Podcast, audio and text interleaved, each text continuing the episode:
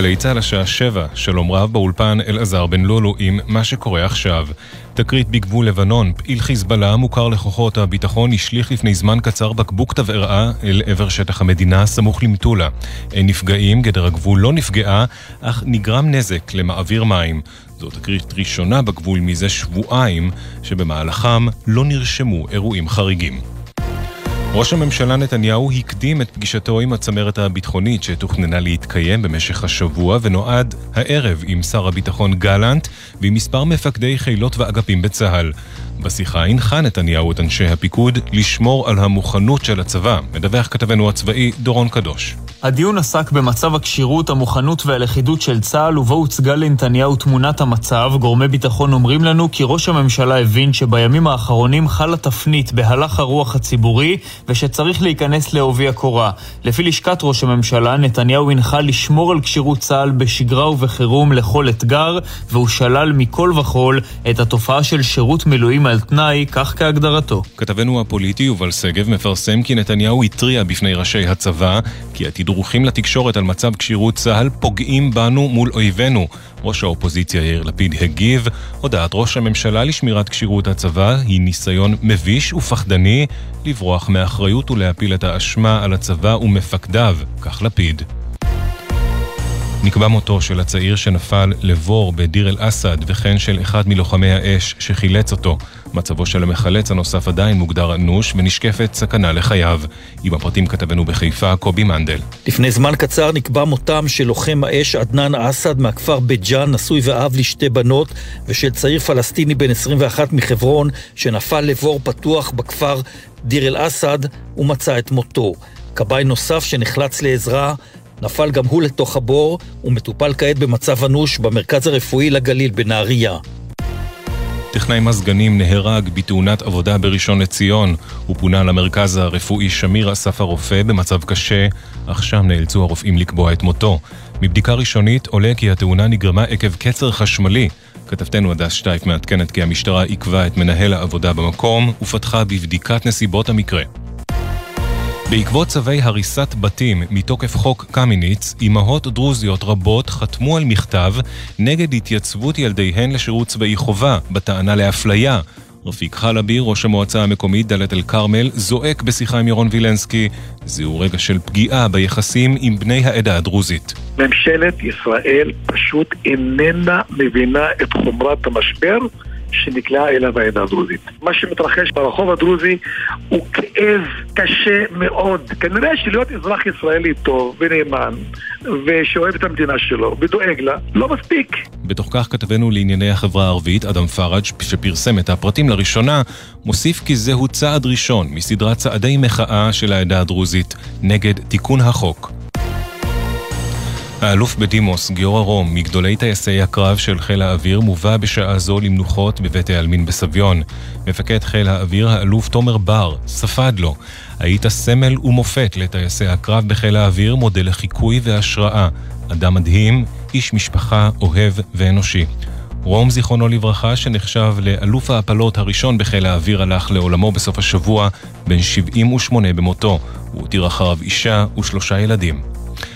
התחזית תחול ירידה קלה בטמפרטורות, אך עומסי החום הקיצוניים יוסיפו לשרור בכל אזורי הארץ. אלה החדשות, בצוות, יוני זילברמן וים גל.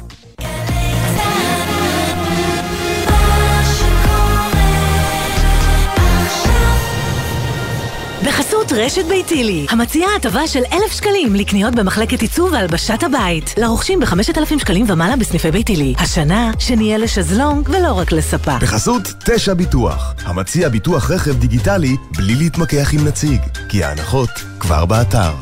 איי-די-איי חברה לביטוח, כפוף לתקנון. עכשיו בגלי צה"ל, אמיר בר שלום עם רצועת הביטחון.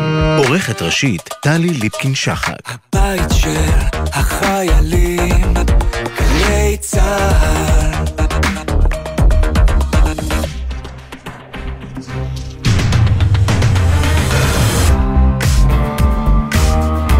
ערב טוב לכם, רצועת הביטחון של יום ראשון בשבוע. הערב הזה אנחנו ניפרד מהאלוף, שהוא גם אלוף ההפלות של חיל האוויר, גיורא רום, שמובא בשעה זו למנוחות. אנחנו נשוחח עם מי שהיה ראש הלשכה שלו, סגן אלוף במילואים אילן אוסטפלד. עם דני סיטרינוביץ' נהיה באיראן, שם לא שקט למרות ההבנות עם ארצות הברית לגבי שחרור אסירים הדדי ושחרור כספים שהיו מוקפאים בעולם. עם השגריר לשעבר, דני איילון, אנחנו ננסה להבין האם סעודיה עשתה כאן מארב לישראל כשמינתה קונסול לירושלים ברשות הפלסטינית. ובהקשר הזה אנחנו נשוחח גם עם הפרופסור יצחק רייטר על התחרות הסמויה, ואולי זו שתעלה אל מעל הרדאר התקשורתי בין סעודיה לירדן על השליטה בהר הבית. ונסיים בצבא סוריה המתחדש, על פי נייר עמדה חדש של המכון למחקרי ביטחון לאומי, מתפתח כאן איום מחודש שישראל חייבת לקחת בחשבון. עדן כדורי, אחת החוקרות מהמכון, תהיה איתנו בעניין הזה. רצועת הביטחון, אנחנו מתחילים. וכתרכנו אנחנו פותחים באקטואליה, ואנחנו אומרים עכשיו שלום וערב טוב לכתבנו המדיני יניר קוזין. ערב טוב, אמיר. אז אה, יניר, שני אה, נושאים על הפרק. קודם כל אה, נתחיל בטרי יותר, בעדכני יותר, דיון אצל ראש הממשלה שהוא מזמן ב, בלשכתו בקריה בתל אביב, והנושא של הדיון הזה, כשירות צה"ל, כשירות חיל האוויר. לצורך זה רק נאמר, ראש הממשלה דוחה את החופשה שלו בצפון, בכפר הנופש רמות, ביום אחד. נכון, וצריך גם לתת אולי עוד איזשהו רקע לאירוע הזה, אותו פרסום שדיבר על כך שיש איזושהי מחשבה שראשי המערכות הביטחון, המוסד, השב"כ והרמטכ"ל שוקלים אולי לפנות בצורה כזו או אחרת לציבור ולהציג לו את התמונה כמות שהיא. זו כמובן, זה כמובן דיווח שהוכש על ידי השלושה, אבל יכול להיות שהדיבורים על כך, שהדברים הללו מסתמנים, חושבים, עוברים בראשם של אחד מהשלושה, או אולי של שלושתם ביחד, אה, אה, הביא את ראש הממשלה למצב, כפי שאמרת, אמיר, לבטל את התוכניות שלו לפחות להיום בצפון, ולכנס את הפגישה הזאת עם שר הביטחון והרמטכ"ל בקריה. מה שומע שם נתניהו? את מה שהוא כבר שמע בעבר, צריך להגיד את האמת, וגם את מה שאנחנו שמענו בסוף השבוע, בין היתר, ממפקד אה, חיל האוויר, האלוף תומר בר, על כך שבעצם הפגיעה פגיעה בכשירות, בכשירות צה"ל כבר מורגשת כעת. זה לא משהו עתידי, זה קורה ומחלחל ומחמיר מדי יום והדברים הללו מחלחלים כנראה גם לראש הממשלה בצורה עוד יותר ברורה. אם כי צריך לומר, לפחות בהודעה של לשכת ראש הממשלה יש ניסיון לעשות איזושהי אה, הנמכה על האירוע הזה ולא להפוך אותו לגדול כמות שהוא אבל אתה שם לב כבר לניסוחים אמיר ואתה רואה שראש הממשלה הנחה לשמור על כשירות ומוכנות בשגרה ובחירום, ושים לב לנוסח הזה, ראש הממשלה שלל מכל וכול את התופעה של שירות מילואים על תנאי. לא שימוש במילה סרבנות כפי שעשה עד כה, אלא ש... אה, שירות מילואים על תנאי. כנראה שאחד מהדברים ששמע מראשי המערכת היא שהשימוש במילה סרבנות לא מעודדת את האנשים לחזור לשרת, אלא להפך מוסיפה עוד ועוד אנשים שמצטרפים ולא חשים שהם מסרבים. אה, אה, להתייצב, אלא בוחרים שלא להתנדב בנקודה הזאת, ולכן נתניהו משנה אולי במשהו את הנוסח, שבשורה התחתונה, אמיר, האם זה ישנה את המצב כרגע, המצב הפוליטי, כי זה האירוע, עדיין קשה לומר, כן ראש הממשלה כנראה מבין שהמצב יותר חמור ממה שאולי העריכו, שאחרי הקיץ הכל יעבור, אבל אני מזכיר לך, ההערות הללו, האמירות הללו, האזהרות הללו הופיעו גם לפני חקיקת החוק הקודם, כך שלא בהכרח שהדבר הזה יוביל גם לאיזשהו שינוי באופן החקיקה. אולי השינוי הרטורי יתחיל לעשות איזשהו שינוי אחר, אבל נכון. יודע, זה, זה אנחנו עוד אה, נראה. נראה עוד אה, עניין אחד, אה, פרסום שלך הבוקר, ישראל בשלב הזה לא מתכוונת להגיב רשמית למינוי המפתיע, צריך לומר, שגם הפתיע את הדרג המדיני בישראל, המינוי המפתיע של קונסול קונסול סעודי ברשות הפלסטינית לירושלים. כן, השגריר בעצם, שגריר סעודיה בירדן, קיבל מינוי להיות שגריר לא תושב ברשות הפלסטינית, וכפי שציינת, וקונסול במזרח ירושלים. כלומר, למעשה, סעודיה הופכת למדינה השנייה, אחרי ירדן, שמציבה, או לפחות מודיעה, על נציגות דיפלומטית במזרח ירושלים. הדבר הזה, אמיר, כמובן, מהדהד מיד באוזניים ואומר, רגע, זה אומר בעצם שסעודיה מכירה במזרח ירושלים כחלק מהמדינה הפלסטינית העתידית. היינו צופים שירושלים תעמוד על הרגליים, כלומר ישראל. זה לא קורה בשלב הזה. ולא סתם, ישראל לא מתכוונת להגיב באופן פומבי, אתה ראית שכבר עברו יותר מ-48 שעות מאז הפרסום, היוודע הקונסול, מינויו של הקונסול, ישראל לא מגיבה, הסיבה לכך, בישראל רואים את זה כמהלך גדול יותר, חלק מהמשא ומתן של ארה"ב וסעודיה, לנסות ולהגיע לנורמליזציה עם ישראל, פה סעודיה משלמת במזומן, ישראל, הממשלה של נתניהו, ממשלת הימין, צריך להזכיר, בינתיים שותקת, מבינה שיש פה איזשהו מהלך. האירוע הזה, אמרת שתבדוק עוד מעט אם הפתיע את ישראל, לפחות על פי הגורמים שאני מכיר, אמרו לי, אכן הדבר הזה הפתיע אותנו, לא חשבנו שימנו קונסול למזרח ירושלים, אבל בשלב הזה אנחנו שותקים. יניר קוזין, כתבנו המדיני, תודה רבה יניר. תודה אמיר.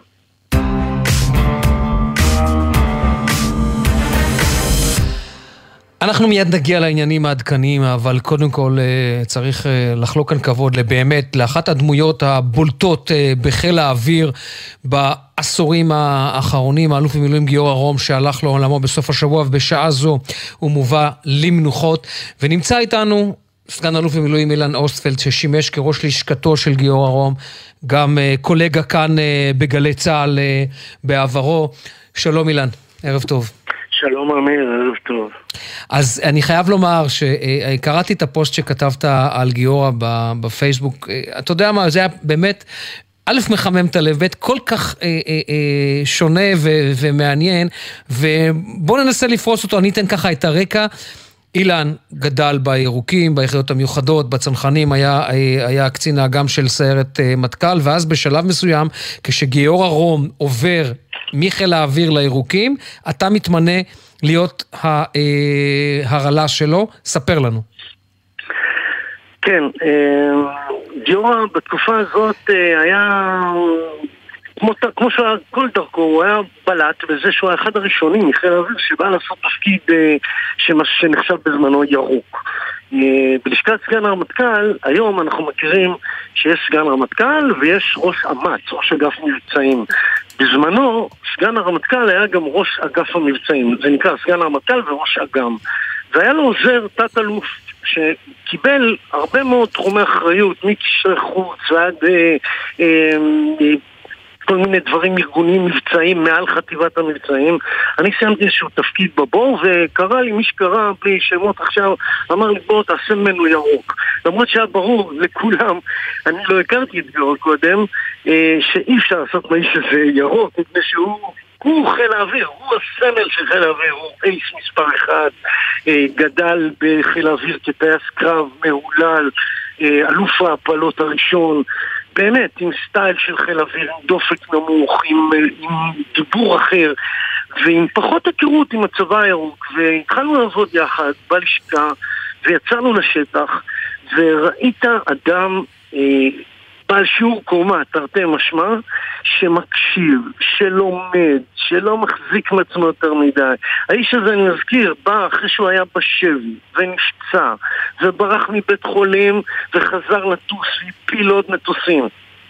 והוא בא ושמע את מדריכות החבלה בבה"ד 14 ודיבר עם טנקיסטים על הטנקים בכל מיני אה, מקומות שאתה ואני מכירים היטב, אמיר, ובגזרות השונות, וראית ושמעת אדם שהמחשבה שלו צלולה וברורה, והטון שלו אה, אחר. לא היה לו קשה, אילן? לא היה לו קשה לעשות את המעבר הזה מחיל האוויר שהוא, אתה יודע, הוא מסודר, הוא דידקטי, הוא היררכי, ופתאום לבלגן הזה של הירוקים, היום זה קצת נשמע אחרת, אבל בתקופה שלך כן. זה היה ממש, אתה יודע, עולמות, היה תהום פעורה. נכון, זה היה תהום פעורה, והיה תרבויות שונות, הכל, החל מה... אתה יודע מה, אפילו מ... מללכת על מדי ב', האיש הזה היה או על א' או על סרבל טיסה. כשיוצאים לסיור ראשון בשטח ואני... לא, אתה חייב לספר את הסיפור שכתבת, אתה חייב לספר את הסיפור שכתבת. הוא מגיע, הוא מגיע על א' מצוחצח ללשכה, ואנחנו עומדים לטוס לצפון, לדרום לבנון, לפגישה בנקורה עם קציני צה"ל, צבא לבנון, יוניפיל, ואני אומר לו, גיורא, אתה לא יכול לטוס על א' לשם, אתה לא יכול לבוא לשם על א'. מסתכל עליי ככה, אומר לי, אין לי, אין לי מדי ב', ארגנו את זה.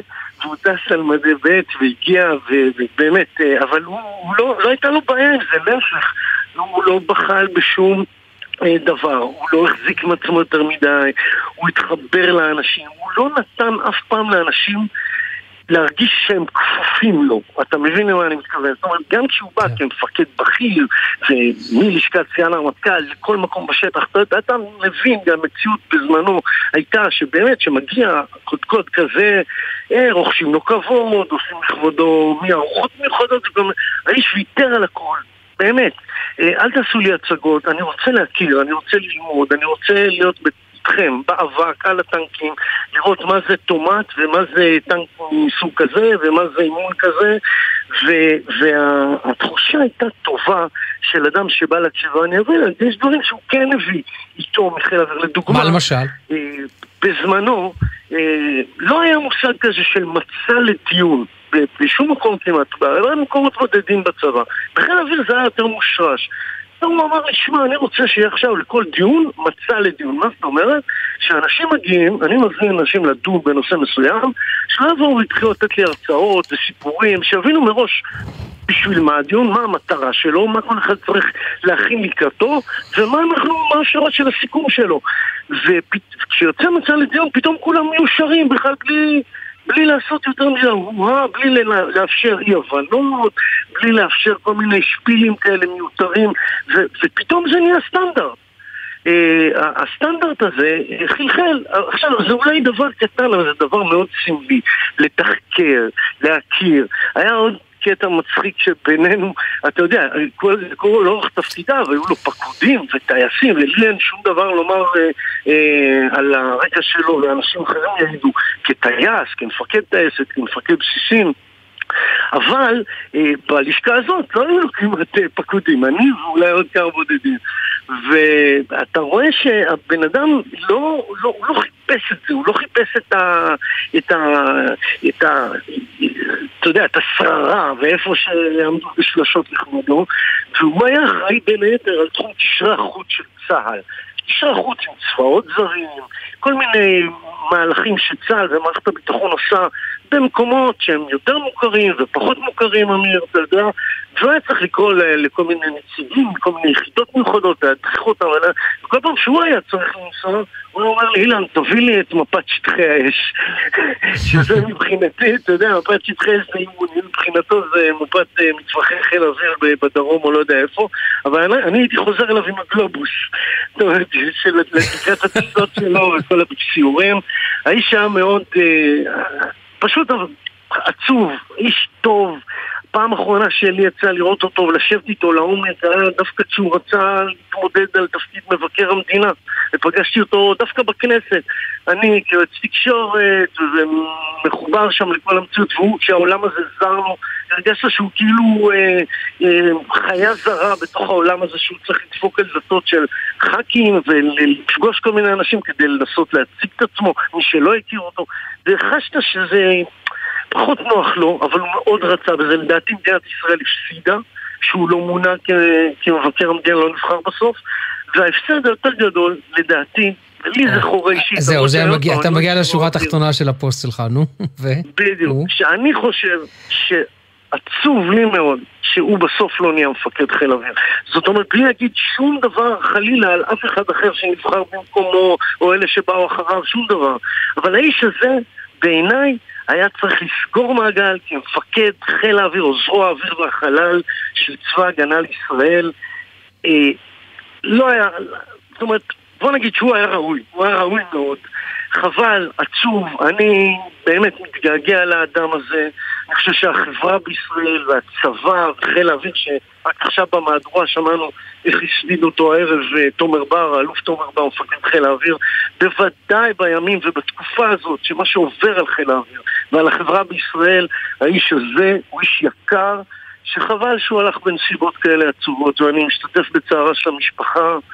וזהו, אני, אני מקווה שהוא השאיר פה, אני בטוח שהוא השאיר פה חותם מאוד מאוד חשוב על הרבה מאוד אנשים, הרבה מאוד אנשים, ולטובה. סגן אלוף במילואים אילן אוסטפלד, מי שהיה ראש לשכתו של גיורא רום. אילן, תודה. תודה, אמיר, שנתת זמן להזכיר את גיורא ולכבד. חובתנו, חובתנו, הכרתי גם את האיש מרשים מאוד.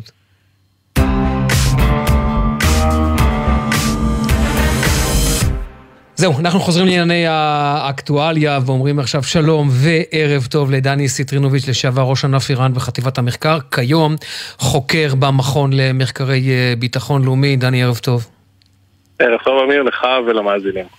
אז אה, אה, תראה, איראן בכותרות, ואני אני, אני מרשה לעצמי לספר למאזינים על השיחה המוקדמת שלנו, ולפני שנצלול לעניין הזה שאני רוצה לדבר איתך עליו, על הבקיעים האלה שלאו דווקא מקבלים פומבי בתקשורת העולמית, אבל מאוד מעניינים. בוא נדבר רגע על המצב כרגע באיראן, מההתרשמות אה, שלך. מה שעושה קולות אה, של הסכם, הולך כמו הסכם, זה הסכם?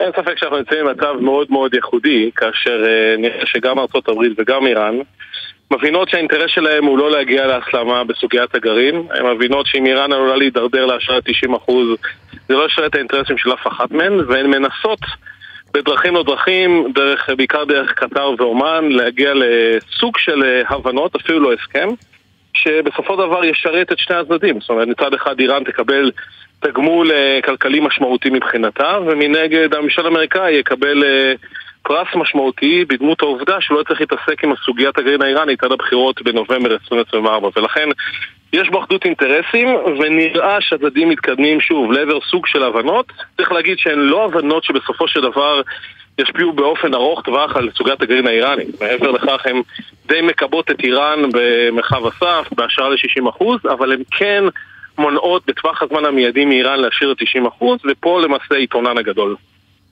אני מיד אגיע איתך, אתה אומר, אנחנו מדברים על הבנות בין ארצות הברית אה, אה, לאיראן, וממש מאמר טרי שאתה מפרסם היום, נכון?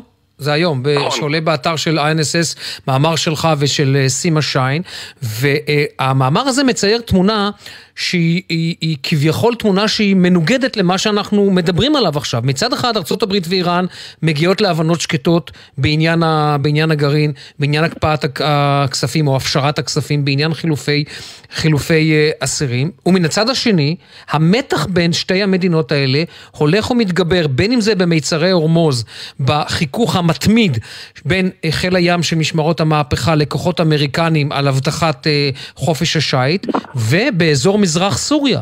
שם אנחנו רואים תקיפות של מיליציות שיעיות של איראן את הבסיסים האמריקניים. אה, ציינת את המצב בצורה מצוינת. למעשה אנחנו נמצאים במצב כמעט חסר תקדים.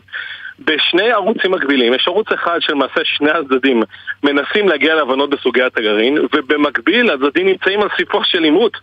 גם במפרץ, כאשר האמריקאים חוששים מאוד שהאיראנים ימשיכו לעצור מכליות ולכן הם אפילו שוקלים לבצע צעדים חסרי תקדים כגון הצבת חיילים על מכליות אזרחיות במפרץ וגם בסוריה אה, יש לנו אה, לפחות טענות אמריקאיות פומביות שלמעשה הרוסים והאיראנים חברו ביחד בניסיון להוציא את הכוחות האמריקאים מסוריה ולכן אני חושב שהשאלה המרכזית היא האם באמת הצדדים, כמו שכתבנו במאמר, האם הם הצדדים יוכלו למעשה לגדר את ההבנות בסוגיית הגרעין או שלמעשה האירועים באזור ישפיעו גם על האירועים הללו.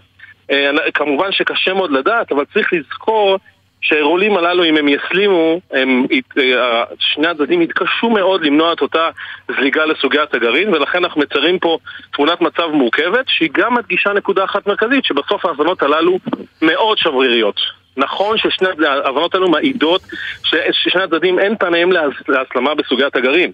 אבל מנגד מדובר בהבנות שבריריות נקודתיות מאוד מאוד מוגבלות ולכן כל אירוע, בין אם בגרעין או בוודאי באזור, עלול בסופו של דבר להשפיע עליהן לרעה. אי אפשר אבל גם להתכחש לעוד עובדה אחת, ודני, אתה כמוני עוקב אחרי זה, אנחנו רואים בחודש האחרון תגבור משמעותי של כוחות אמריקנים במפרץ, אנחנו רואים כוח ימי גדול, שמורכב מארבע או חמש אה, ספינות, כולל אה, אה, נושאות מסוקים, שזה למעשה כוח פשיטה שמועבר. אנחנו מדברים על איום אמריקני להציב חיילי מרינס על המכליות שעוברות במיצרי הורמוז. אנחנו רואים העברה של שלוש טייסות, שתיים מהן טייסות חמקן, למזרח התיכון. התיכון, מישהו שם פה אקדח על השולחן. מישהו בהחלט שם אקדח על השולחן.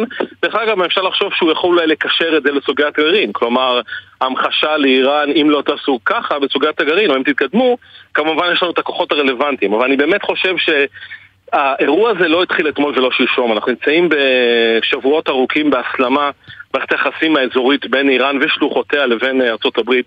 וגם כמו שנגעת בהקשר הסורי, אנחנו אפילו אתמול היו תקיפות לעבר אה, שדה גז שלמעשה האמריקאים מחזיקים בו, וכמובן שהמליצות השיעיות הן החשודות המיידיות בהקשר הזה.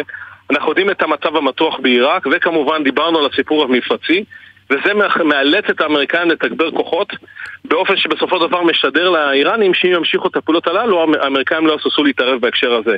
ולכן אנחנו נמצאים, כמו שנגענו בתחילת השיחה, באירוע מאוד מאוד מעניין מבחינה בינלאומית, כאשר שני הצדדים מנסים להגיע להסכם ויחד עם זאת עלולים בסופו של דבר למצוא את עצמם מסיפו של עימות קונבנציונלי ביניהם ואנחנו לא נותרנו אלא לעקוב ולראות בסופו של דבר מה ינצח את מה בהקשר הזה.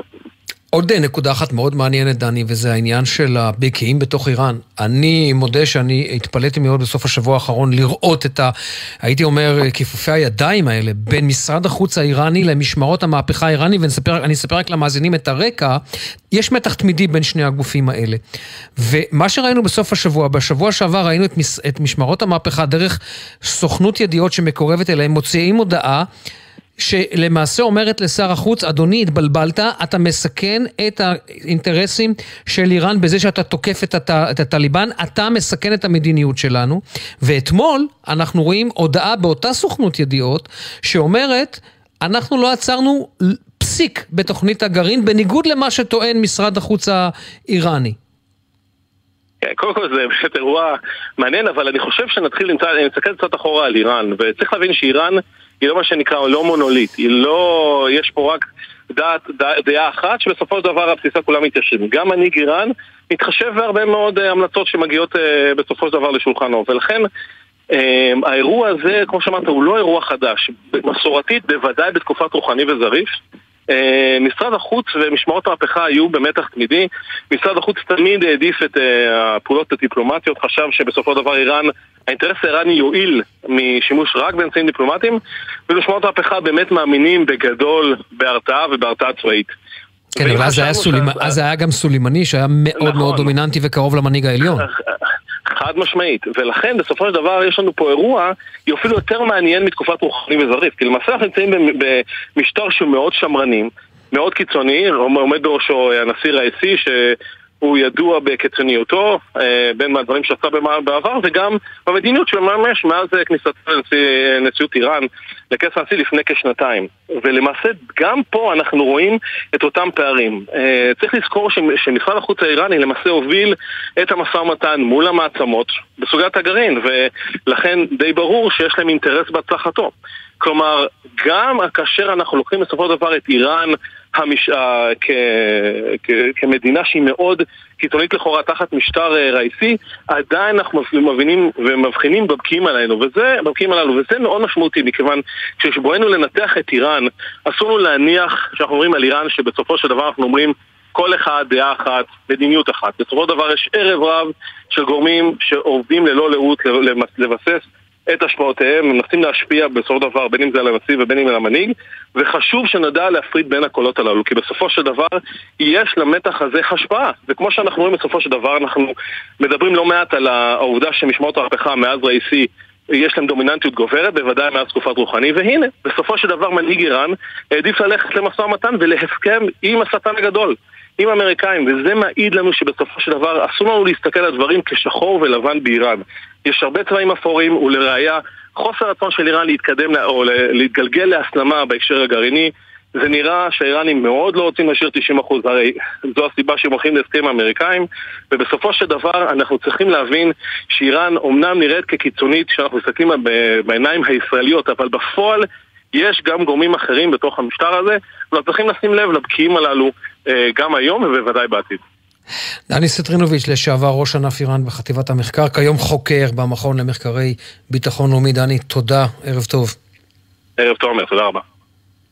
אנחנו יוצאים עכשיו להפסקה קצרצרה של תשדירים, נשוב מיד אחר כך, נעסוק בהרחבה בעניין הסעודי מכמה זוויות, גם המדינית וגם זו של הר הבית.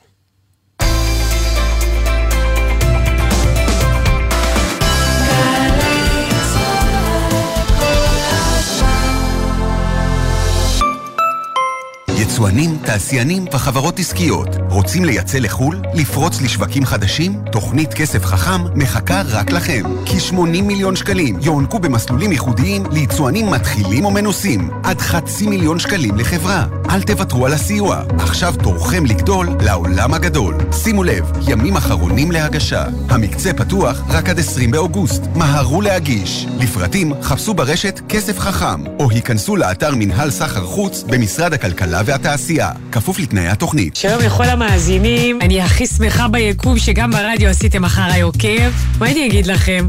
שאתם מבלים בעוד מקומות, חוץ מבפקקים. סתם, זה לא יפה, וואי, אני לא בסדר, זה לא... עדן, יצאתי לא בסדר. מועדון ההטבות של מנוי פיס. כל ההטבות שתוצאנה אתכם לבלות וליהנות. עוד אין לכם מנוי? להצטרפות חייגו, כוכבית 3990. תבלולו! המכירה אסורה למי שטרם מלאו לו 18. אזהרה, הימורים עלולים להיות ממכרים. הזכייה תלויה במזל בלבד. עמיתי מועדון חבר, הטבות בלעדיות על מגוון דגמי קופרה 2023. המבצע בתוקף עד 8 בספטמבר באולמות התצוגה של קופרה. פרטים בטלפון כוכבית 6331 או באתר מועדון חבר. חבר זה הכל בשבילך, אוגוסט 67, רותי פרמינגר יוצאת לטייל. זה היה יום שבת, המקום היה מגודר, ואפילו שלט זהירות מוקשים. התלבטנו אם להיכנס או לא, ואני ביקשתי שלא ניכנס, אבל הלחץ החברתי היה גדול, והחבר'ה רצו להיכנס פנימה, ונכנסנו. ובום. אחרי הבום הייתה דממה, באותו רגע ראיתי שאין לי רגל. גדרות הנושאות סימן משולש ושלט צהוב לא חוצים. מטיילים בטוח. מוגש מטעם הרשות לפינוי מוקשים במשרד הביטחון.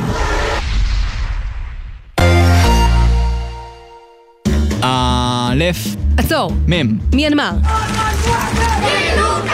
צדי. צרפת. הלובר נסגר לתקופה הארוכה ביותר מאז מלחמת העולם השנייה. א', ארצות הברית. אוזבקיסטן. אוסטרליה. ארמניה. רגע, איך כל זה ייכנס ברבע שעה? גלי צה"ל מציגה מסביב לעולם מגזין חוץ שמסכם לכם את כל מה שקורה בתבל ב-15 דקות בלבד. חמישי, רבע לאחת בצהריים. גלי צה"ל. עכשיו בגלי צה"ל, אמיר בר שלום עם רצועת הביטחון. הבית של החיילים, גלי צה"ל. חזרנו. 7.31 רצועת הביטחון של יום ראשון, ועכשיו אנחנו אומרים שלום וערב טוב לדני אילון, לשעבר סגן שר החוץ ושגריר ישראל בארצות הברית. וערב טוב אמיר. אז אה, דני, אתה, אה, אני מניח כמוני, שמעת אתמול את ההצהרה הסעודית, את ההודעה הסעודית על המינוי של השגריר לרשות הפלסטינית וקונסול בירושלים. היכרותך את המעגלים האלה, עד כמה צעד כזה הוא צעד אה, אה, מתריס של סעודיה כלפי אה, ישראל? תראה, אמיר, אני רואה בזה יותר צעד סמלי, ואולי זה מצביע על כוונה סעודית אה, רצינית ב... להשתתף במהלכים האמריקאים בנורמליזציה עם ישראל באיזשהו שלב, למרות שאנחנו רחוקים מזה מאוד. עכשיו, אנחנו יודעים, אה, ואנחנו רואים גם בתקשורת הערבית וגם בכל המגעים התוססים כאן באזור, שהפלסטינים מאוד מאוד מודאגים מהמהלכים האלה ברשות ארה"ב, וכל הזמן דורשים ותובעים מהסעודים להדגיש את הנושא הפלסטיני, לא לשכוח אותו. ולכן, אני להערכתי, מה שהסעודים עשו בזה, זה שני דברים. אחד, הם משלמים איזושהי מקדמה, מפרעה לפלסטינים, לומר להם, אל תדאגו, בוודאי לא נשכח אתכם, העניין שלכם אה, בוער בעצמותינו והוא יהיה בהחלט חלק מרכזי במהלך של נורמליזציה, מצד אחד. מצד שני זה גם איתות לישראל. אם אתם רוצים נורמליזציה, תזכרו שהפלסטינים זה עניין חשוב לנו. אמיר, וצריך לזכור, אם אה, ישראל ויתרה, אה, ראש הממשלה נתניהו ויתר ל... אה, לאמירויות, כאשר הם דרשו שהוא יצהיר על אי סיפוח יהודה ושומרון או חלקים שם ומהלכים כאלה ואחרים, בעיקר בנושאים כלכליים, רישיונות עבודה וכולי, אז על אחת כמה וכמה סעודיה, שהיא מנהיגת העולם הערבי, שהיא האפוטרופסית של מכה ומדינה, אה, בוודאי שהם ידרשו לא פחות אה, מהאמירויות, וצריך עוד דבר לזכור, שהסעודים הם אלה שבעלי מה שנקרא ב-2002 היוזמה הסעודית, שהפכה להיות אחר כך ב- בליגה הערבית, בכינוס ליגה הערבית בביירות, הפכה להיות היוזמה הערבית שמדברת על שתי מדינות לשני עמים, על בסיס אה, גבולות 67, מזרח ירושלים כבירת אה, המדינה הפלסטינית, אה, פתרון הוגן וצודק לפליטים, כל הדברים האלה בוודאי ישחקו במגעים אם יגיעו לכדי זה בין ישראל לסעודיה וארצות הברית. אבל עדיין, אתה יודע, אני רוצה לקחת אותך אה, אה, לעניין של, ה, נקרא לזה, כללי המשחק הדיפלומטיים. האם לא היה כאן אה, מבחינת הסעודים, הייתי אומר, אה, פעולה חד צדדית שאחר כך מקבעת מציאות שיהיה קשה לישראל להשלים איתה? תראה, מה שהם עשו זה דבר שמבחינה, עוד פעם, מבחינה מהותית זה לא שינה הרבה. מה הם עשו? הם לקחו את השגריר שלהם באמ"ן, השגריר שלהם בירדן, ואמרו לו, מעכשיו אתה מואמן גם לפלסטינים. כן, אנחנו כבר, למעשה לא כבר עכשיו, היו החלטות או"ם, או"ם כבר לפני שנים שמכירים בפלסטין כמדינה, אמנם לא כחברה באו"ם, בגלל כל מיני נושאים אה, אה, והתנגדות אמריקאית, אבל הם אומרים כרגע, אנחנו מכירים בפלסטין כמדינה, והיום אנחנו מעלים שלב, או מעלים, אה, אה, בוא נאמר, את אה, דרג היחסים לשגריר. שגריר שהוא לא תושב, כן, הוא לא יכול להיות ב, באזור הפלסטיני, בטריטוריה הפלסטינית, אבל הוא שגריר תושב, לא תושב, שמאמ"ן מנהל את היחסים הבילטרליים בין סעודיה לרשות הפלסטינית. כן, אני אגיד לך על מה אני חשבתי, בדיוק... דני, סליחה שאני קוטע אותך, אבל בדיוק בהמשך הדברים האלה, לצורך העניין הוא שגריר, הוא קונסול בירושלים, כפי שהגדירו אותו. הוא עכשיו נכנס לרכב מעמל ונוסע לרשות הפלסטינית, ומחליט כן לעבור במזרח ירושלים. מה ישראל עושה? לישראל תהיה כאן אה, בעיה. קודם כל, אה, הוא, בוא נאמר מעבר, אם הוא רוצה לעבור ב, אפילו בגשר אה, אלנבי, כדי להגיע ולהיפגש נאמר עם אה, מחמוד עבאס או עם שר החוץ הפלסטיני, הוא יצטרך לקבל אישור. וכאן באמת אה, מבחינת ישראל תהיה דילמה, לתת או לא לתת, ואם לא נותנים, זה בהחלט יכול להחריף את ה... בוא נאמר, הקשרים העדינים שמתרקמים מול סעודיה. צריך לזכור, אמיר, שאנחנו היום, כולל אל על, מטוסי אל על, טסים מעל שטח אווירי אה, סעודי. אמ, מעבר לכך, אתה יודע, מתחת ל... לרדאר יש הרבה אה, קשרים אה, מודיעיניים, טכנולוגיים ואחרים. את כל זה ישראל לא תרצה להפסיד, ובסופו של דבר, אם אנחנו חוזרים לכל המהלך הגדול שהאמריקאים רוצים לעשות, בסופו של דבר הכל ינחת על שולחנו של ראש הממשלה נתניהו, שיצטרך להחליט האם הוא מעדיף את סמוטריץ' או את אה, ביידן והסעודים. אתה יודע, אני בעניין הזה גם חשבתי, כששמעתי את ההודעה אתמול, נכון, מיד הבנו את המשמעויות שזה אומר שזה דוחק את ישראל לפינה, אבל מן הצד השני, חצי הכוס המלאה, יכול להיות פה נציג סעודי, שיגיע לירושלים, ייפגע, אולי לא רשמית, אבל יהיה כאן כתובת סעודית ישירה. מעבר כמובן לטלפונים שלא מתפרסמים בין לשכת ראש הממשלה ללשכתו של MBS. נכון, זה, זה בהחלט עוד, עוד איזשהו קשר, שהוא קשר שהוא אפילו יותר, אה, הייתי אומר, אה, רשמי או חצי רשמי. צריך לזכור, אמיר, ואתה יודע את זה טוב מאוד, שרוב הקשרים נעשים אה, דרך המוסד ושירותי המודיעין הסעודי.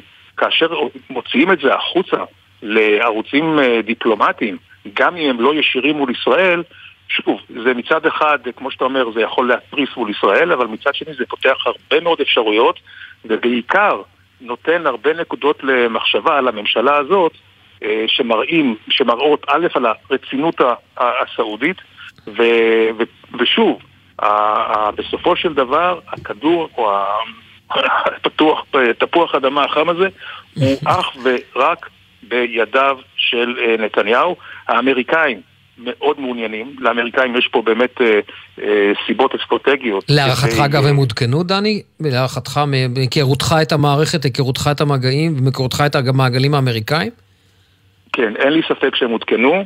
יכול להיות בימים טובים יותר ביחסים בין ירושלים לוושינגטון, אז אה, וושינגטון מיד הייתה גם אה, אה, מעדכנת את ישראל. אני לא בטוח שכך היה הפעם. אנחנו רואים גם מהתגובה המגומגמת הישראלית, ישראל לא הייתה מוכנה לזה, לפחות זה לא נראה כך. בעבר בהחלט היו עדכונים מראש, אפילו היו מתייעצים עם ישראל מראש, אבל שוב, פה כרגע ארצות הברית וביידן מראים חוסר אמון מוחלט, בעיקר בממשלה הזאת, שרואים אותה כממשלה קיצונית. רואים ב, למעשה בחוסר אמינות של ראש הממשלה, ששום דבר ממה שהוא הבטיח לביידן לא יתבצע, כמעט הפוך מכך. ויש עוד עניין, שזה עניין גם פוליטי.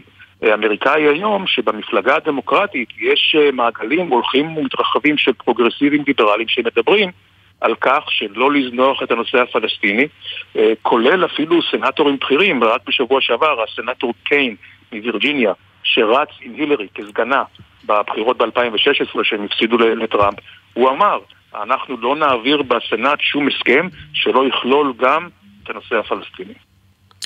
מאוד מעניין. דני אלון, לשעבר סגן שר החוץ ושגריר ישראל בארצות הברית. דני, תודה רבה. תודה, אמיר. ערב טוב. אנחנו באותו עניין עדיין, אבל uh, מזווית אחרת, אנחנו רוצים עכשיו uh, לנסות ולהבין עד כמה לערב הסעודית יש כאן גם, הייתי אומר, רצון לקבל דריסת רגל כזו או אחרת בהר הבית ולדחוק כך או אחרת את רגליה של הממלכה ההאשמית, ולצורך העניין הזה אנחנו אומרים שלום וערב טוב לפרופסור יצחק רייטר, נשיא האגודה הישראלית ללימודי המזרח התיכון והאסלאם, מאקדמיית אל-קסאמי ואוניברסיטת רייכמן. ערב טוב, אמיר והמאזינים. אז בשתי מילים רק, מה זה אקדמיית אל-קסאמי? אה, זו מכללה מאוד מאוד חשובה שקיימת במגזר הערבי, בבאקה אל-גרבייה. יש לי את הכבוד ללמד שם לימודי האסלאם תואר שני וללמד את זה בשפה הערבית. מעניין. פרופסור, פרופ, פרופסור, פרופסור יהודי מלמד הלכה ושפה מוסלמים.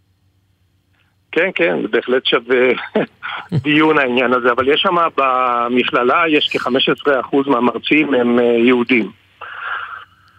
מעניין, אנחנו, אנחנו, נדבר, אנחנו נדבר על זה יום אחד, פרופסור רייטר, כי זה, ב... הנה, נתת לי עכשיו, נתת לי רעיון, אבל בוא, בוא נתמקד בנושא שאליו, שאליו התכנסנו הערב הזה, וזה העניין של ההקדש בהר הבית. עד כמה אתה רואה, כמי שעוקב אחרי זה וכותב לא מעט על הר הבית ועל, הייתי אומר, כל הכוחות שמנסים לנגוס בו, עד כמה אתה רואה, ב, נקרא לזה, בהתקרבות מול סעודיה, כניסיון לדחוק כך או אחרת את רגליה של ירדן? אני אתחיל בכך שאני אומר שתחרות ומתח בין סעודיה לבין ירדן תמיד הייתה, זה בערך מאה שנים, כמעט מאה שנים מאז שראש המשפחה האשמית גורש מחצי האי ערב. ולאחר מכן גם הייתה תחרות על ניסיון סעודי פה ושם גם לתת כספים או שיפוצים, לממן שיפוצים בהר הבית כשהמלך חוסיין בשעתו, מלך ירדן בלם את זה ואפילו מכר בית פרטי שהיה לו בלונדון כדי לממן שיפוץ על מנת לייקר את העזרה הסעודית. אז המתח הזה היה תמיד קיים. אני מתקשה להאמין שהמגעים שמתקיימים היום הם סביב הנושא הזה, משני טעמים. אם מדובר בניסיון סעודי לקבל איזשהו מעמד בהר הבית כרגע, כשאין הסדר שלום, אז מה הם כבר יכולים לקבל? הרי מי שמנהל את המקום זה הוואקף הירדני, על פי הסטטוס קוו. גם ככה הסטטוס קוו הולך ונשחק. אני לא רואה שהסעודים ימהרו לקחת שם איזשהו תפקיד, כי התפקיד הזה, המשמעות שלו היום היא בעצם אה, להתגלות במערומיהם, כמו שבעצם הוואקף וירדן מתגלה היום, כאשר ישראל הולכת ונוגסת בזכויות של המוסלמים בהר הבית ומקדמת את הזכויות של הקבוצות הדתיות שהולכות ומבקרות ומתפללות ועושות שם דברים שמנוגדים לסטטוס קוו שהיה קיים. עכשיו, אם מדובר באיזשהו הסדר שלום עתידי, גם כאן יש בעיות, ישראל מחויבת בהסכם השלום עם ירדן, סעיף 9ב, היא מחויבת לתת לירדן מעמד אה, עודף בבואה לנהל משא ומתן על עתיד המקומות הקדושים למוסלמים בירושלים. אז uh, המקסימום, אם עכשיו, uh, צריך אולי לומר במאמר מוסגר, אנחנו לא רואים את ממשלת ישראל הנוכחית, ואולי גם לא זו שתבוא אחריה, מנהלים משא ומתן על הר הבית או על ירושלים. אבל נניח uh, תאורטית שדבר כזה היה קיים, המקסימום שמדינה כמו ערב הסעודית, או אפילו אולי מרוקו, יכולות לקבל בהר הבית זה להיות שותפות באיזושהי ועדה אזורית או ועדה אזורית בינלאומית שמנהלת אה, את המקום או שמפקחת על השיפוצים במקום או משהו מהסוג הזה, איזשהו תפקיד טיטולרי אה, סמלי ולא יותר מזה. עד כמה אבל הירדנים בעניין הזה יעמדו על הרגליים האחוריות? כי תראה, אני מסתכל על, על, על ערב הסעודית, וערב הסעודית הרי שוקלת שיקולים הרבה יותר רחבים. היא כיום מחזיקה למעשה בשני האתרים הקדושים לאסלאם, מכה ומדינה, ובראייתה, אני כרגע מסתכל על זה אולי בזווית ישראלית תמימה, בראייתה, אם היא תקבל אחריות גם על האתר השלישי בחשיבותו לאסלאם, היא בעצם זה, הייתי אומר, ממסמרת. את המעמד שלה כמנהיגת העולם הערבי, וגם כמשקל נגד, כמובן, לאויבת הגדולה איראן. אני מתקשה להאמין שערב הסעודית תרצה להחליף את מי שמנהל היום את הר הבית. מה עוד שזה ייתפס כפגיעה לא רק בירדנים, גם בפלסטינים. הרי יש הסכם בין אבו מאזן לבין המלך עבדאללה השני, שכרגע עבדאללה השני הוא נותן החסות של המקום הקדוש. ובבוא העת, כאשר ירושלים תשוחרר, אז הירדנים בעצם מוותרים לפלסטינים על הריבונות במקום. אז האם ערב הסעודית תהיה מוכנה להיתפס בעולם המוסלמי וה, והערבי כמי שמסכלת את המעמד של בני המקום במקום הקדוש להם? אה, אני מתקשה אה, כמו שאמרתי, זה... זה משהו שהם רוצים. שאלה תמימה למי שיושב בירושלים כדי לנסות להבין את, האסטרטג... את האסטרטגיה הסעודית, אם קיימת כזו בעניין הר הבית, אבל אי אפשר לנתק עוד גורם אחד, שיכול להיות שבשנים האחרונות הוא היה, הוא היה אה, יחסית מתון, וזה הנשיא טורקיה ארדואן, שבמשך שנים בחש בכל מה שקשור להר הבית, וגם זה לא נשא חן בעיני לא הירדנים, בטח ובטח לא הסעודים.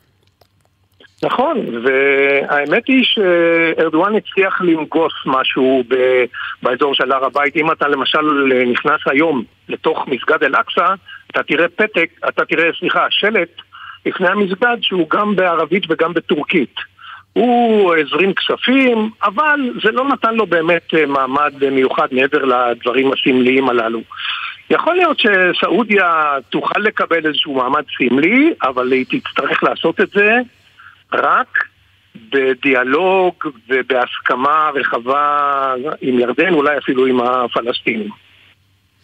כלומר, מה שאתה אומר בעולם הערבי, לסיכום, בעולם הערבי יש קונצנזוס שהסטטוס קוו יישאר כך, שירדן היא מחזיקת ההקדש עד אשר ייחתם הסכם של העמים הפלסטינים ואז הוא יועבר לרשות הפלסטינית, מי שלא יעמוד בראשה? לא מדויק, לא מדויק, כי גם יאסר ערפאת בשעתו אמר אני מזכיר לך, קמפ דיוויד, יולי 2000, קלינטון מכנס את אהוד ברק ואת יאסר ערפאת, וערפאת בתגובה לפרמטרים של קלינטון אומר לו, אני לא מוסמך לוותר על הר הבית, הר הבית שייך לכל העולם המוסלמי. אז אה, זה לא רק עניין שבין אה, סעודיה וירדן, וזה לא רק עניין שנותנים אה, מעמד לירדן, בהחלט יש רצון בעולם המוסלמי הרחב לראות שאת האתר הזה מנהלת ועדה אזורית, ערבית, אסלאמית, שהיא מעבר לירדן. אבל צריך להבחין בין הניהול היומיומי, שזה מה שעושה היום הוואקס, לבין איזשהו מעמד של פיקוח, ועדה מפקחת, או ועדה שאחראית על השיפוצים, דברים מהסוג הזה, שיש עוד כמה מדינות נוסף לסעודיה שהיו רוצות לקבל מעמד, כמו למשל מרוקו או מצרים. ובהקשר הזה, אני חושב שהסעודים מבינים את, ה, את הסיטואציה אה, פה באזור, הם גם לא ירצו להצטייר בעולם המוסלמי כמי שהולכים ואומרים זה שייך רק לנו בגלל שאנחנו שולטים במכה ואל-מדינה, להפך, בגלל שאנחנו שולטים במכה ואל-מדינה אז uh, מותר לנו גם לאפשר לאחרים לשלוט במקום קדוש אחר. אה, צריך לזכור גם שאל-אקצא הוא סוג של תחרות לקעבה במכה ולמסגד של הנביא באל-מדינה. זה מקום שלישי, הסעודים אה, אף פעם לא קיבלו אותו ממש כבאמת בעל מעמד שווה לזה של מכה בן מדינה, למרות שהנרטיב הפלסטיני מקדם אותו ומזכיר אה, חדיתים, אה, מסורות מיוחסות לנביא מוחמד, שהן מציירות את החובה להשלים את העלייה לרגל למכה בעלייה לרגל גם לאל-אקצא, או ביציאה מאל-אקצא לכיוון מכה ואל-מדינה. הסעודים אה, לא כל כך קיבלו את זה, המעמד הנשגב הזה שהר הבית קיבל בעולם המוסלמי בימי הביניים המאוחרים, שנקרא אל-חרם א-שריף, המקום הכ... כן. הנכבד, הנאצל, הוא, אה, הוא משהו שהסעודים לא אהבו אותו. הם אה, תמיד העדיפו שימשיכו לקרוא למקום הזה אל-אקצא ולא אל-חרם א-שריף, כמו שהירדנים קוראים לו. פרופסור יצחק רייטר, נשיא האגודה הישראלית ללימודי המזרח התיכון, ואיש אקדמיית אל-קאסמי ואוניברסיטת רייכמן. תודה, פרופסור רייטר, ערב טוב. ערב טוב.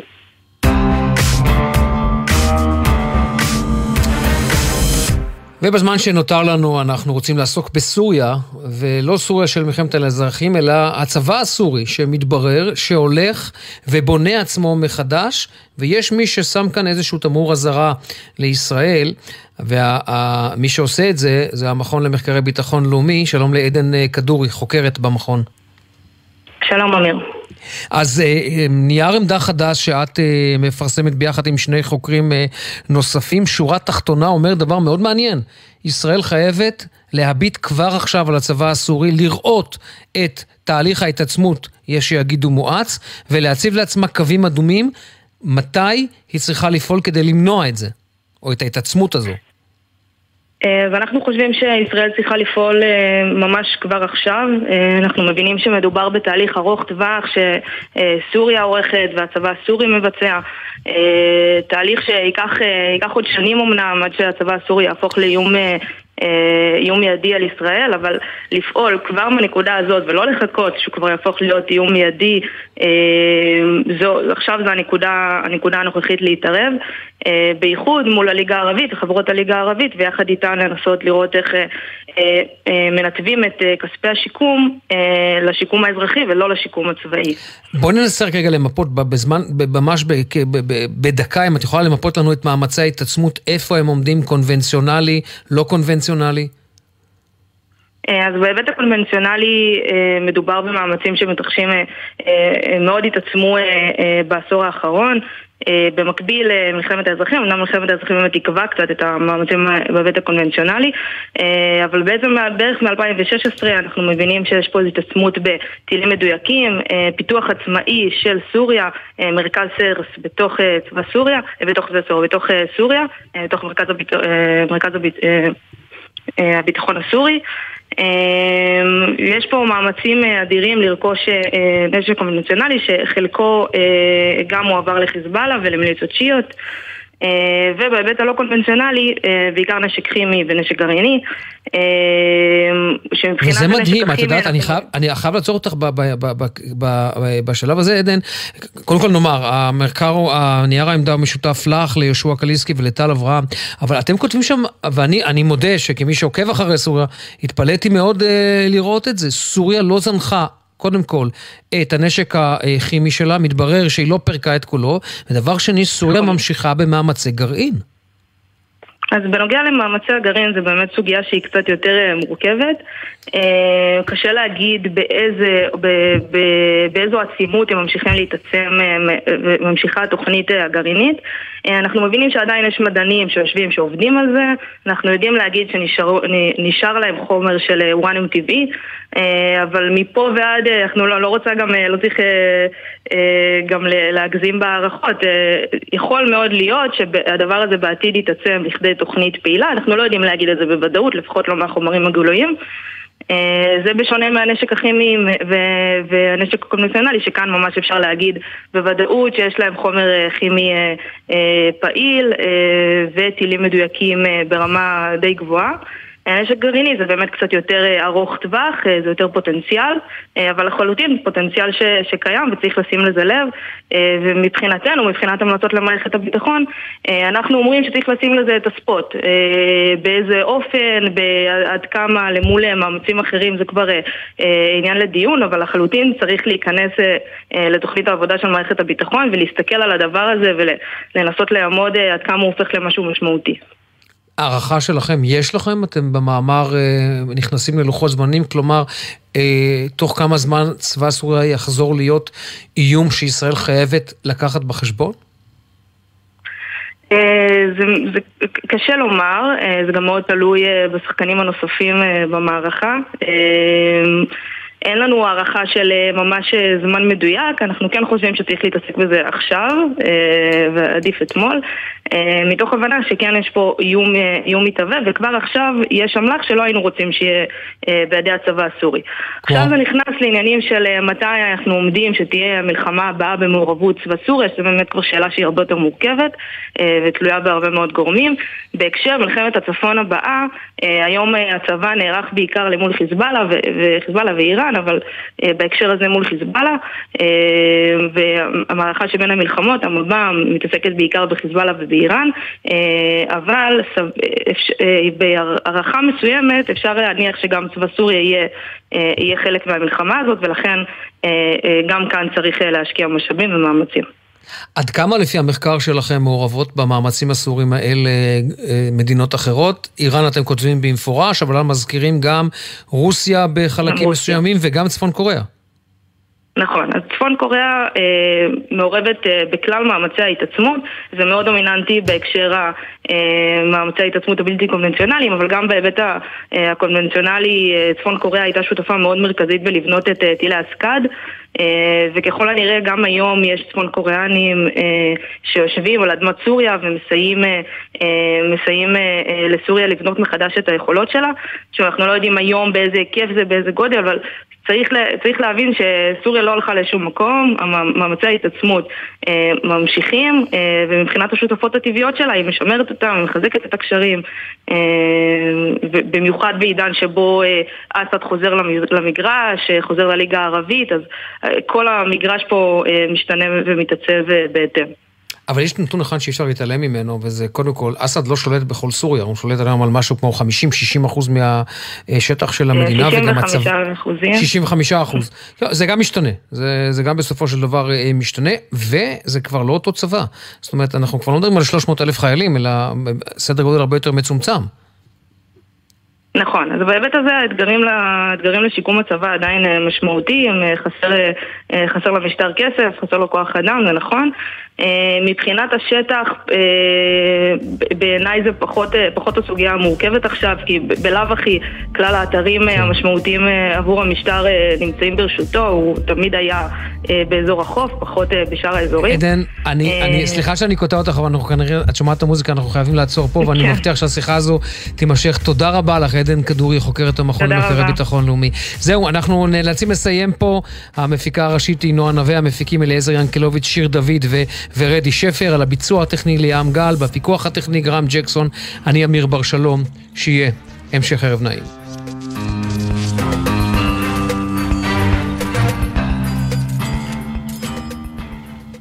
בחסות אייס, המציע לכם לרגל שיא החום את מבצעי שיא הקיץ. כמו מערכת רחצה עם חמישה מצבי זרימה שבמבצע ב-199 שקלים. אייס.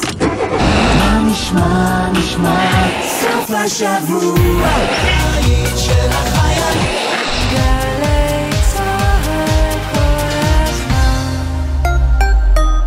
בני משפחות ילדי תימן, המזרח והבלקן, אל תוותרו על זכאותכם להסדר כספי מהמדינה. ממשלת ישראל החליטה לאפשר הסדר כספי למשפחות שעניין ילדיהן נדון באחת משלוש הוועדות הרשמיות, ובהן נקבע כי הילד נפטר או שגורלו אינו ידוע. לבדיקה ולמיצוי זכויותיכם, הגישו כבר היום בקשה מהירה באתר ענבל, חברת הביטוח הממשלתית. המועד האחרון לקבלת ההסדר הכספי נקבע ל-1 בספטמבר 23. פנו עוד היום ובדקו את זכאותכם. מגישים משרד האוצר ומשרד המשפטים. חוזרים מחו"ל? ודאו שאין לכם טרול בטרולי. צמחים, פירות, ירקות ודברי עט מחוץ לארץ עלולים לשאת מחלות ולחבל בחקלאות שלנו. חוק הגנת הצומח אוסר להכניס צמחים, פירות, ירקות ודברי עץ ארצה. ודאו שאין לכם טרולים בטרולי ותימנעו מקנסות. משרד החקלאות ופיתוח הכפר. השירותים להגנת הצומח ולביקורת. קיץ של חוויות במוזיאון אגם ראשון לציון. סיורים ודרכים, סדנאות קינטיות לילדים, מופעים וגם תערוכה חדשה, מוטל בספק. קיץ במוזיאון אגם ראשון לציון. פרטים באתר ובפייסבוק. השומר, הבלם, הבלמח ההגנה, אצל לחי, צהל גם, המשפחה למוזיאון המוזיאונים של משרד הביטחון להכיר את ההיסטוריה של היישוב העברי מראשית הציונות ועד הקמת מדינת ישראל וצה"ל. תערוכות וסיפורי גבורה במוזיאונים של משרד הביטחון ברחבי הארץ. חייבים לבוא לראות. המוזיאונים של משרד הביטחון. חפשו אותנו בגוגל. מגיש אגף משפחות, הנצחה ומורשת במשרד הביטחון. אחי, אתה נראה לי קצת עייף. כאן סמל ראשון אור דביר, לוחם בסיירת גולני. וסיימתי שבועיים של פעילות מבצעית. אני מבין טוב טוב מה זה להיות גמור, אבל אתה יודע מה ההבדל ביני לבינך? שאני לא עולה על ההגה. כשאתה עייף, עצור להתרעננות במקום בטוח, או שתיתן את המפתחות למישהו אחר שינהג. סומך עליך, אח שלי. גם אני מחויב לאנשים שבדרך עם הרלב"ד. אתם מאזינים לגלי צה"ל.